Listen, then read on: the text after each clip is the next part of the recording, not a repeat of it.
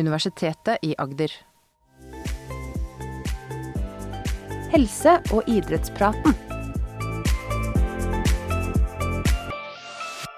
Hei og velkommen til den aller første sendingen i vår webinarrekke Helse- og idrettspraten. Vi kommer til å sende hver første torsdag i måneden frem til sommeren. Mitt navn er Silje Hammerstad Grimsli, og jeg jobber som rådgiver på Fakultet for helse- og idrettsvitenskap. Der jobber jeg bl.a. med alumni. Eh, og det er ganske nytt her, men det har lange tradisjoner i bl.a. USA. Og grunnen til at det er så viktig for oss å jobbe med alumni, er fordi vi ønsker å holde kontakt med våre tidligere studenter. Og vi ønsker å bidra til at tidligere studenter kan holde kontakt med hverandre. Og da har vi lyst til å invitere til fagdager og seminarer og webinarer sånn som dette. I tillegg vil vi legge til rette for reunions og jubileer og mer sosiale sammenkomster. I tillegg så sender vi ut nyhetsbrev eh, en gang i måneden ca., hvor vi forteller om ny forskning vi holder på med, og etter- og videreutdanningskurs som er eh, relevante, og litt andre spennende nyheter. Så hvis du ikke har meldt deg inn ennå, så kan du gå inn på uia.no slash alumni og melde deg inn med en gang. Så til dagens gjest. Vi har i dag fått med oss Bjørge Herman Hansen. Han er ansatt hos oss eh, fra ja, Du har vært her i tre år. Eh, før det jobba Bjørge på Norges idrettshøgskole og tok doktorgraden sin eh, der, eh, som handla om fysisk aktivitet og helse hos voksne og eldre. Og du har fortsatt både stillingen din, eh, eller en delt eh, stilling, fortsatt noe på NIH, på seksjon for idrettsmedisinske fag. Eh, samtidig som han da er fast eh, ansatt som professor hos oss. Eh, videre forskning har også gått på fysisk aktivitet og helse. Blant annet, eller videre også på barn. Eh, sammen med voksne og eldre videre. Eh, videre er det vel også litt innenfor metodeutvikling og monitorering på fysisk aktivitet og stillesittende tid. Eh, I dag er det litt innenfor det du skal snakke om, i tillegg til metode. Du er også glad i statistikk. Ja. Så eh, vi er veldig spent på å høre hvordan alt eh, dette henger sammen. Hvorfor statistikk er viktig for fysisk aktivitet, f.eks. Um, så ser jeg du har tatt med deg en liten ting her. Um, og den skulle Jeg ba deg om å ta det noe med som kunne um, vise litt hva du skulle snakke om. Og eh, dette vet jeg ikke hva er. Eh, så vil du fortelle hva det er, og eh, hvorfor den er viktig for Ja, det det vi skal snakke om. det kan jeg gjøre. Takk, Silje. Veldig hyggelig å være her. Eh, spesiell setting. Føler du deg hos Lindmo. uh, og så er det veldig stas å være med på dette. Jeg syns alumni og dette initiativet her er veldig bra. Uh, for ca. 20 år siden så var jeg student her. Uh, og så har jeg på en måte endt opp som underviser og forsker her. Det syns jeg er veldig stas. Jeg kommer liksom aldri helt ut av, ut av denne settinga her. Jeg har fått lov til å jobbe med mye av det som jeg liker veldig godt. Eh, Jeg skal komme litt tilbake igjen til eh, denne duppeditten der og fortelle litt om hvorfor den har faktisk gjort en ganske stor endring innenfor det vi holder på med, altså forskning på, på fysisk aktivitet og helse. Men eh, eh, jeg går litt grann, altså det, Dette er noe som jeg har vært interessert i og fått lov til å jobbe mye med. Og jobbe sammen med veldig mange flinke folk, både lokalt og nasjonalt og internasjonalt. Så jeg har vært, vært med på mye som har skjedd i løpet av de siste 10-15 årene eh, på dette fagfeltet her. Og grunnen til at eh, vi syns det er interessant, er jo det at eh, vi er, altså vi er skapt for bevegelse. Og så lever vi i et samfunn som i kjempestor grad legger til rette for det motsatte. At det er så enkelt å ta de valgene som gjør at ikke du behøver å bevege på deg. Selv om bevegelse er noe som vi har en naturlig og iboende trang til å gjøre, men på en måte vi møter på eh, motstand hele veien. Og Hva det har å si for folkehelsa, syns jeg er veldig interessant. Og Jeg skal gå litt sånn frem og tilbake i tid her, hadde jeg tenkt. Men, men den nyeste forskninga på dette feltet viser i stor grad, og i større grad enn før, betydningen av litt fysisk aktivitet. Eh, Betydningen av litt fysisk aktivitet. Betydningen av hverdagsaktivitet, av rusling og tusling, eh, labbing, gåing, ståing. Eh, altså alt, alle de tingene som du tenker på, eller som du ikke nødvendigvis tenker på som trening. Og Bl.a. fordi at man nå i større grad enn før er i stand til å fange opp den type bevegelser i store undersøkelser, gjør at vi er i stand nå, i mye større grad enn før, til å finne på en måte et slags sånn dose-respons-forhold mellom fysisk aktivitet og helse. Og når den dosen som skal til for å gi en varig endring hos mennesker, er så liten som man viser seg å faktisk være, hvis du i utgangspunktet beveger deg veldig lite, den dosen er så lite at det gjør oss i mye større grad enn før i stand til å tenke eh, hvordan kan vi endre dette på befolkningsnivå. For det å, å, å, føre til en endring som er for stor på populasjonsnivå, det er helt umulig. Det har vi ikke klart. I hvert fall ikke til nå. På en måte, eh, Nobelspørsmålet i vår bransje er hvordan får du folk til å bli mer aktive? Og det er gjennomført intervensjoner på intervensjoner på intervensjoner på intervensjoner i ulike settinger som ikke klarer å vise til en varig endring av noe så basic som å bevege seg. Uh, alt dette er jo et stort felt, men det er faktisk et relativt nytt felt. Uh, selv om uh, du kan gå tilbake og finne tekster hos de gamle filosofene som snakker om uh, sunt, en sunn kropp, et sunt legeme, et sunt sinn, alt dette her. Mm. så det er jo liksom ikke noe nytt. men det var først omkring sånn 1950 og jeg, Du, sa, du snakka om ting som vi tar med til studio. Jeg skulle egentlig ta med meg en liten legobuss som noen av, av, av døtrene mine har, har bygd og gitt meg. For det er, det er, på en måte en veldig sånn tydelig start på vår eh, i hvert fall sånn moderne forskningshistorikk. Hvor man gikk tilbake, altså I London 1950-tallet hadde sånne dobbeltdekkerbusser. Disse mm. røde bussene. Du har sikkert sett dem. Eh, så gikk man inn og så på konduktørene, altså de som går og tar billetter. Sånn opp og ned trapper, frem og tilbake og samler inn eh, billetter. Og så så man på de som satt og kjørte bussen. Så fulgte man de over tid, og så så man at risikoen for å dø tidlig var eh, kraftig forhøya hos de som kjørte bussen. Det var liksom starten. Superenkel studie. Enkel to ganger to krysstabell for de av dere som bryr deg om statistikk, hvor du sammenligner hvor mange døde i den og den gruppa. Um, det var på en måte et av de første sånn uh, epidemiologiske, altså litt sånn forskningsharde data på på hva dette kanskje har å si for helsa. Um, men som forskning, så er det altså i akademia så, så liker en å eh, ikke krangle, men i hvert fall diskutere eh, funnene sine. Og, og, må ofte stå i en del kritikk. Eh, og det er helt det sånn det skal være. Eh, kritikken mot den studien var at eh, jo, jo, selvfølgelig lever eh, konduktørene lenger. for dette har med kroppssammensetning å gjøre. Eh, de som kjører bussene, de var større. De hadde en litt mer ugunstig kroppssammensetning enn de som gikk og samla inn billetter. Så det forskerne gjorde, var at de reanalyserte hvor de statistisk Når du sier jeg liker statistikk, så får du får meg til å høres ut som en grusom person. Men, men det er nå så. Uh, men det er ganske interessant, og det er, det er, et kjempeviktig verktøy det vi holder på med. For det, uh, du må ha et kritisk blikk på det du holder på med. Du må ha et sånn litt sånn nøkternt syn i, i, i, forhold til hva du formidler, og, og, at det faktisk kan være en del utfordringer med det du prøver å si på en enkel måte. For det, ting er veldig sjeldent enkelt. Det kan vi komme tilbake til. Men når man da i en analyse tar høyde for at det var forskjeller i kroppssammensetning, så, så var funnene akkurat de samme. Sånn, så da, da, det, da, kom du ett steg videre på å si at det, det, kan se ut som om det er en forskjell basert på hvor mye folk beveger på seg. Mm. Eh, og så begynte liksom den, eh, hele den forskningsarmen eller grenen eller bransjen eller hva du skal kalle begynte å rulle. Og så kom det flere og flere studier i løpet av de neste 50 årene. Fra studier som viste på en overbevisende måte betydningen av å endre sitt aktivitetsnivå over tid.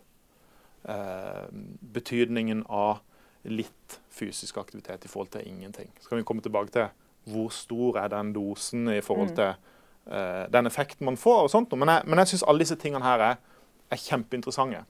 Uh, og jeg syns primært interessant fordi at uh, tanken om å endre et, tanken om å endre atferdsmønster i en befolkning er enklere hvis vi snakker om ok, kan vi få alle til å bli ti minutter mer aktive.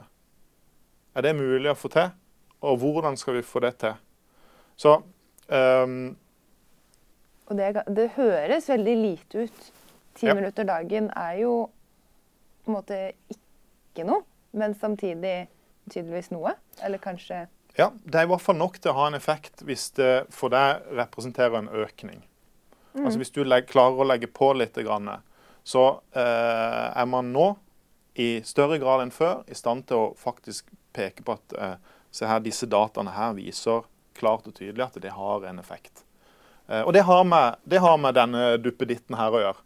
Som jeg ble, ble, på en måte Første gang jeg brukte en sånn aktivitetsmåler, det var i min, eh, når jeg tok eh, mastergrad.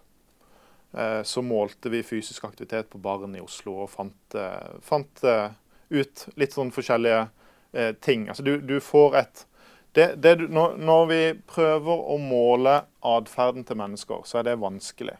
Um, og Det er ikke nødvendigvis fordi at folk lyver eller ikke ønsker å fortelle sannheten, men det er rett og slett fordi at eh, disse helseatferdene som vi er opptatt av, er veldig sammensatte og kompliserte.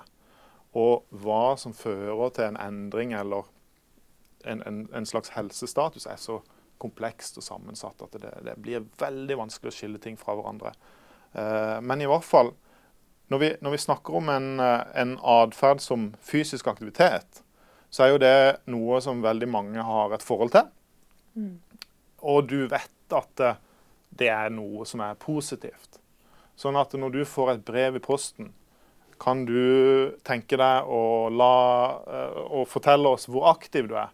Og så kommer brevet fra et eller annet institutt for noe som har med idrett å gjøre. Gjerne i mm. navnet. Så tenker du ah, Uh, du vet hva de vil høre. Altså da, da, har du en liten sånn underbevissthet som gjør at du kanskje uh, legger på litt. Grann.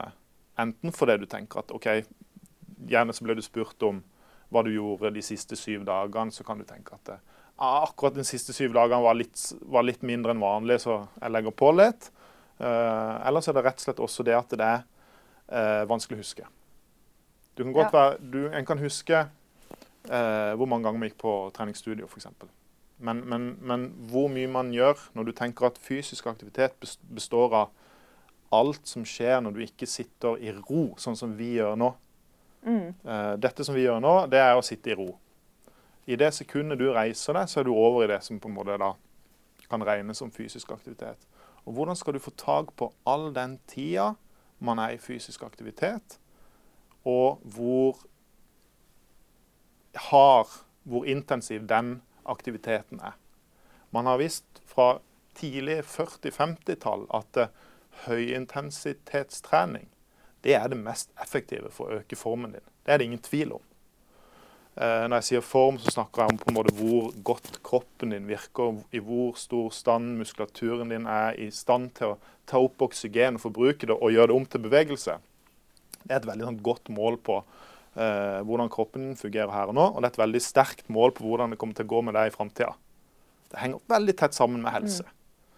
Eh, og skal, det er klart, skal du påvirke formen din, så må du opp i intensitet.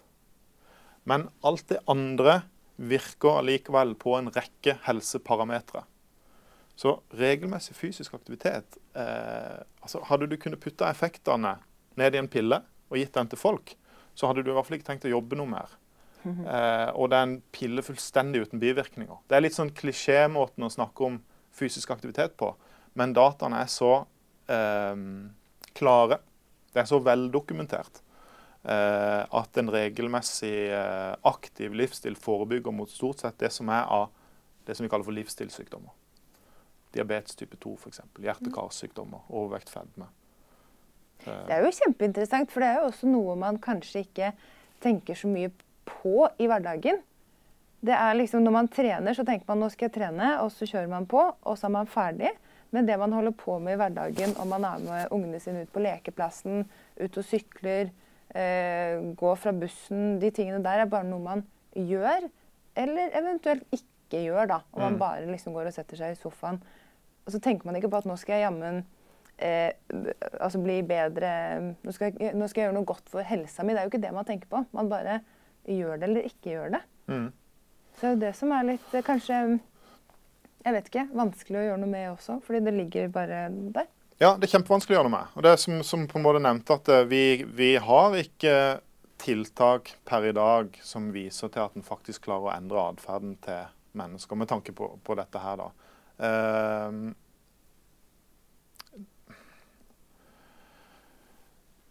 nå, skal vi se, nå kom jeg litt ut av det. Men det, det gjør ikke noe. Det går vel an å hoppe til. Det, det, det, du, det du sier, er at ja, det er noe vi ikke tenker så mye over. Jo, det var det jeg skulle si. Det er, um, det er veldig lite sexy å selge eh, ta trappa på jobb, gå til jobb, sykle til jobb. Eh, hopp av bussen ett steg, ett stopp før. De er litt sånne der kjedelige råd. Eh, du, du kan ikke selge en kraftig vektreduksjon eller eh, sixpack med sånne ting. Eh, men for folkehelse, altså med et folkehelseperspektiv så er, ville vært et utrolig effektivt til, Det ville vært et utrolig effektivt tiltak dersom man kunne rulle ut dette stor skala. Det er spørsmålet hva skal man gjøre? Som sagt, sånne kampanjer retta mot å opplyse individet og fortelle at du bør gjøre sånn og sånn og sånn, eh, har, har, seg, har vel vist seg å ha eh, ikke noe særlig effekt. Sånn at det største, omtrent største suksessen i hele folkehelsebransjen eh, vil jo noen hevde er røykeloven. Hva er det tilsvarende i vårt felt? Altså hvordan eh, altså Folk liker ikke å bli tvunget til ting. Eh, Det var jo rabalder. Jeg vet ikke om du husker om du var på utesteder når man røykte på utesteder? Ikke på utestedet, men ved restaurant og kafé var jeg. Ja, du gikk Det var nok på verre. ja, Nei, jeg var uh, Ja. fjor, Nei, 16 Nei, ja, ikke sant. Ja. Eh, Det var, hei, det var helt vilt. Å se tilbake på det nå er helt absurd. Uh, Så, så når vi om, om, om 50 år ser tilbake på hvordan vi levde våre liv i dag, så blir det jo interessant å se på det. Eh, Jeg tenker på f.eks.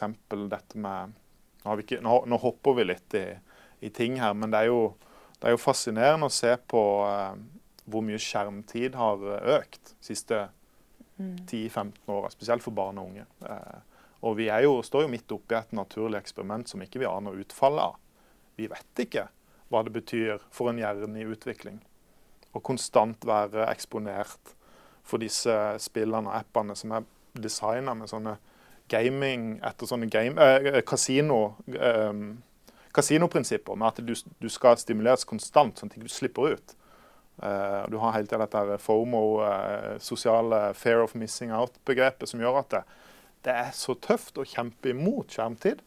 Eh, og vi vil aldri klare det helt, men, men, eh, men det, det, det er interessant å tenke på eh, hvordan man vil se tilbake på denne tida her, når vi om 10-20-30 år har litt mer informasjon om hva det faktisk betyr. For da er vi litt sånn inne i metodeverden igjen. Og det, det er kjempevanskelig å måle. Det er, man trenger lang oppfølgingstid for å slå fast betydningen av ulike atferder. Eh, for det, du utvikler ikke diabetes type 2 i løpet av seks måneder. Det tar eh, mye, lang, mye lengre tid. Det kan, være, det kan tenkes at f.eks. regelmessig fysisk aktivitet eh, forebygger eh, demens på et eller annet nivå, en eller annen grad. Men det er veldig vanskelig å slå det fast. for det Eh, akkurat for å ta demens som et eksempel, så er det noe som gjerne tar ti år å utvikle. Fra første symptomet til diagnosen. Og det er klart, vi har knapt studier som har vart i ti år, som har målt aktivitet på nøyaktig måte og, og registrert eh, symptomer på demens. Sånn at eh, hvis studier, sånn som i dette tilfellet, så er det studier som har vist at det, ok, eh, forekomst av demens er noe lavere i gruppen som på et eller annet tidspunkt hadde litt høyere fysisk aktivitet enn en annen gruppe. Men så er det såpass kort oppfølgingstid at det er veldig vanskelig å fjerne den potensielle muligheten for at det, grunnen til at de på et tidspunkt var i litt mindre aktivitet enn noen andre, kan være nettopp pga. at de hadde begynt å merke, eller ikke merke, men faktisk opplever symptomer på et eller annet. Så det er en sånn mare som rir hele helseepidemiologien. Så hva er grunnen til hva? Det er så komplisert å si. Så du kan ha en sammenheng mellom to. Nå går vi litt over i plutselig litt sånn metode, metodeprat her. Men, men, men, det er så viktig at, eh, at, de vi på en måte snakker til nå, dere som er ute og faktisk har kommet der ut i den virkelige verden og, og, og, må forholde seg til mennesker. Så dette her, Hvor forvirra vi er med tanke på helsestoff i media, er helt forferdelig. Jeg synes det det er, et alvorlig samfunnsproblem. og Du kan trekke det helt til hva som skjer i USA med trumpisme, og så tilbake igjen til hva som skjer her. Eh, hva, hva, skjer når folk ikke er i stand til å forholde seg til eh, evidens? Mm. Eh, slenger ut ukritisk påstander om noe. Har enkle forklaringer på komplekse problemer. Da er det all grunn til å liksom stoppe opp litt og så tenke OK, hva er det som skjer her? For vi, vi kan snakke om eh, sammenhenger mellom ting. Vi kan snakke om sammenheng mellom fysisk aktivitet og helse. At det er en sammenheng. Det er ikke nødvendigvis sånn at eh, Eller det er et ganske langt steg fra å si at det er en sammenheng mellom to ting, til å si at det er det som vi kaller for en årsakssammenheng mellom to ting.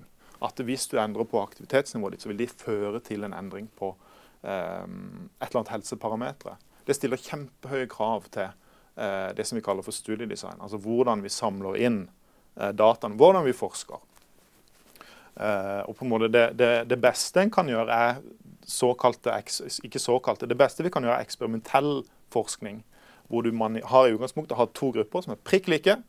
Prikk like eh, og så eksponerer du den ene gruppa for noe, og ikke den andre. Følger de over tid og ser om det er noen forskjell i utviklingen av det du er interessert i. Og det er mangelvare i vår bransje. Hvor, hvorfor det? Fordi at uh, mye av de tingene vi er interessert i, tar lang tid å utvikle. Og det er fryktelig sammensatte årsaksbilder ofte. Um, så, men altså, det, det, det, fins, og det kommer. Og det er i veldig mange store, flotte ting underveis, og mye flott som er gjennomført. Men, men det er likevel sånn at når vi snakker om dose, respons mellom fysisk aktivitet, eh, så vet vi ikke så veldig mye enda. Du kan tenke alle disse livsstilssykdommene vi har. Vi lister opp ulike former av eller grener eller undertyper av hjerte-karsykdom. Diabetes type 2, ulike kreftformer, mental helse, eh, overvekt, fedme. Vi har jo en hel haug av medikamenter for disse tingene. Eh, og der er det veldig nøye at har du det, har du den og den graden av det og det problemet, så skal du ha det og det medikamentet, og du skal ha så og så mye over så og så lang tid fysisk aktivitet, der er vi enda på en måte litt sånn i startgropen med at eh, gjør noe, så funker det. Vi er liksom i ferd med å grave oss fram til hva funker best. Hvilken type aktivitet, hva slags dose funker best ulike, i ulike forløp av ulike helseutfall. Sånn at det, Selv om du på mange måter ok, fysisk aktivitet er mest sannsynligvis ganske positivt for helsa di, det det har folk fått med seg. Men det er fremdeles veldig mye som vi på en måte holder på med, undersøker og kommer til å fortsette med i lang, lang tid. Det var, det var på en måte litt om, uh, litt om det. Um, ja, um, Men, det, ja. Hvis du skulle gitt liksom eh, ett tips til den jevne nordmann der ute. Et sånn enkelt triks til å liksom uh, bevege seg litt mer daglig. Mm. Hva tenker du er det enkleste å få til for oss? Nei, Det er jo et kjempegodt spørsmål. og det er litt, sånn tilbake til at Hadde en hatt et svar på det, så hadde en på en måte eh, vært en god del lenger enn det vi er per i dag. Men det, en må, må nok mentalt vri om litt og tenke at hvor er det en kan lure inn dette her.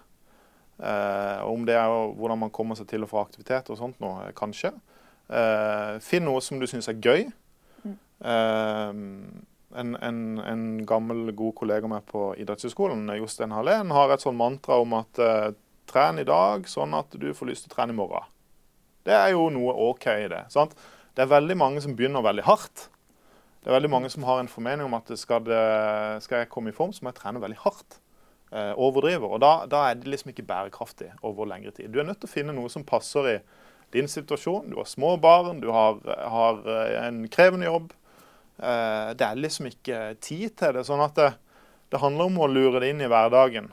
Og så kan du løfte det opp et nivå og si hvordan skal, eh, hvordan skal myndighetene, politikerne, systemene, strukturene rundt oss eh, designes for å legge til rette for at vi kan gjøre dette egentlig kanskje uten å merke det. Mm. Eh, og det handler om eh, mange ting. Eh, skole er en kjempeviktig arena. Kroppsøvingslærer er en kjempeviktig yrkesgruppe. Det som er fint med skole, er at der er stort sett alle barn. Så da, da kommer man over det hinderet med at det, veldig mange av de intervensjonene som blir gjennomført, i hvert fall i den voksne befolkninga, eh, bommer litt. Sant? Det, du får med de som er interessert i sånne ting. Og da kan du bare si noe om de som er interessert i sånne ting. Så vi, sosialt så bommer vi. sant? Kanskje de, en del av de tiltakene som ble innført, bare fører til større forskjeller. Større sosiale forskjeller. For du treffer bare de som er interessert i det likevel. Eh, det er en utfordring. Men, men, eh, men, eh, men skole er kjempeviktig. altså Tidlig innsats, barnehage og skole. Kvalifisert personell både i barnehage og skole med tanke på dette her. Det er jo et mål i kroppsøvingsfaget om livslang bevegelsesglede. Hvordan skal du legge til rette for livslang bevegelsesglede? Kjempeviktig. Um, videre så, så, er det type tilrettelegging for aktiv transport, f.eks. Støtteordninger for elsykkel. Altså Elsykkel er fantastisk. I det sekundet du setter deg på en elsykkel, så er du oppe i moderat intensitet som ofte ble satt på som en, en grense for at det, skal du være aktiv, så kom deg opp i moderat intensitet. Det er ikke, det er ikke så veldig mye. Det tilsvarer sånn omtrent rask gange. Eh, men de som sier at eh, elsykling ikke er aktivitet som har noe å si for helsa, de, de, det er ikke jeg helt enig i. da. Det, det er, du, er, du, hopper fort opp litt grann intensitet. Men problemet med de er at de er altfor dyre. Så det er jo et skeivt tiltak. Det er flott med el, eh, men, men altså, hvem er det som har råd til en elsykkel til, til 30 000-40 000 kroner? Så, så sånne ting. Tilrettelegging. Um, ja, det, det, er mange sånne type tiltak. Men det er nok en viss sånn konsensus i, i, um, i, i denne verden her om at en del strukturelle tiltak er nok ofte veien å gå og med strukturelle tiltak så mener jeg det som ikke er type informasjon retta mot individer med pekefingerbeskjeder. Uh, det har i hvert fall ikke funka til nå. Jeg syns det var utrolig, utrolig interessant å høre på. Eh, man kjenner liksom litt på at eh, man burde kanskje ut og gå en liten tur ekstra, eller gå hjem fra barnehagen istedenfor å kjøre, eller litt sånne småting som eh, ja. ja. Jeg ja. tror det kan være ja, nei, ja, det, det, er absolutt noe å ta, ta med seg. og det, eh, det, som er, det som er på en måte forskningsfronten på dette feltet i dag, er kjempestore undersøkelser hvor man slår sammen da, altså hvor man henter data fra mange undersøkelser i mange land for å få et større utvalg. Da er du i, i, større grad i stand til å trekke ut, altså til å finne sammenhenger eh, som er små. Men små, sang, små, sammenhenger over lang tid betyr en, på en måte en betydningsfull effekt for folkehelsa. Sånn at det som er, det som er på en måte status i dag, er det pga. bedre studier, bedre målmetoder. Så vet vi i større grad betydningen av å øke aktivitetsnivået ditt litt hvor mye det har å si på lang sikt for helsa di. Det er ikke så veldig sexy. Du kan ikke selge en bok på bakgrunn av det. Det er mer sånn generelle råd. Eh, men, men, men Ta et eksempel fra en studie. Du, vi har, har jobba over mange år med å måle hvor aktive Norges befolkning er. Ved hjelp av nevnte duppeditter.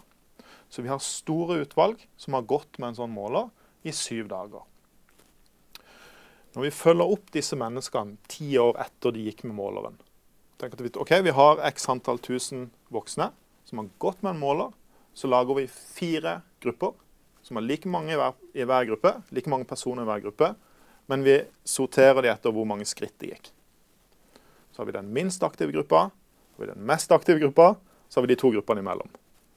Snittet blant den minst aktive fjerdedelen av Norges befolkning, kan du kalle det hvis du drar det litt langt, har et snitt på 4500 skritt om dagen. Cirka. Det er ikke så veldig mye. Snitt i hele Norges befolkning er mellom 8000 og 9000 skritt om dagen. Eh, gjennomsnittlig antall skritt i den nest minst aktive gruppa var ca. 6500 skritt. 2000 skritt i forskjell mellom de to gruppene. Når du sammenligner risikoen for å være død ti år seinere, så var den halvert i den nest minst grupp, minste gruppa, nest, nest minst aktive gruppa sammenligna med de minst aktive. Så hvis du, hvis du, ser litt på det Det er, en, det er en kohortestudie, det er ikke et eksperiment. Så en må være forsiktig med å trekke for harde slutninger. Men de, det, det de funnene tyder på, det er en halvering av risiko med en ganske beskjeden økning. 2000 skritt i forskjell. Så, hvis, så, så, vi, så, vi, er jo på en måte interessert i den minst aktive delen av befolkningen. Det er ikke noe vits å rulle ut en intervensjon for å få supermosjonistene til å bevege seg mer. Det vil være sløseri av, av offentlige midler. Men det er, veldig, en, det er, en, veldig god investering i å gjennomføre eller igangsette tiltak for å flytte de minst aktive litt. Grann. Mm.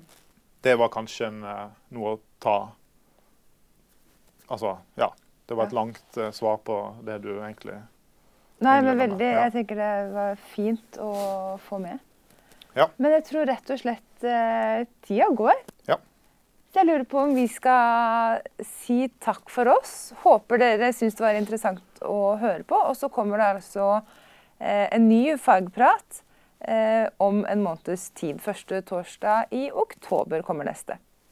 Takk for oss, og ha en fin dag videre.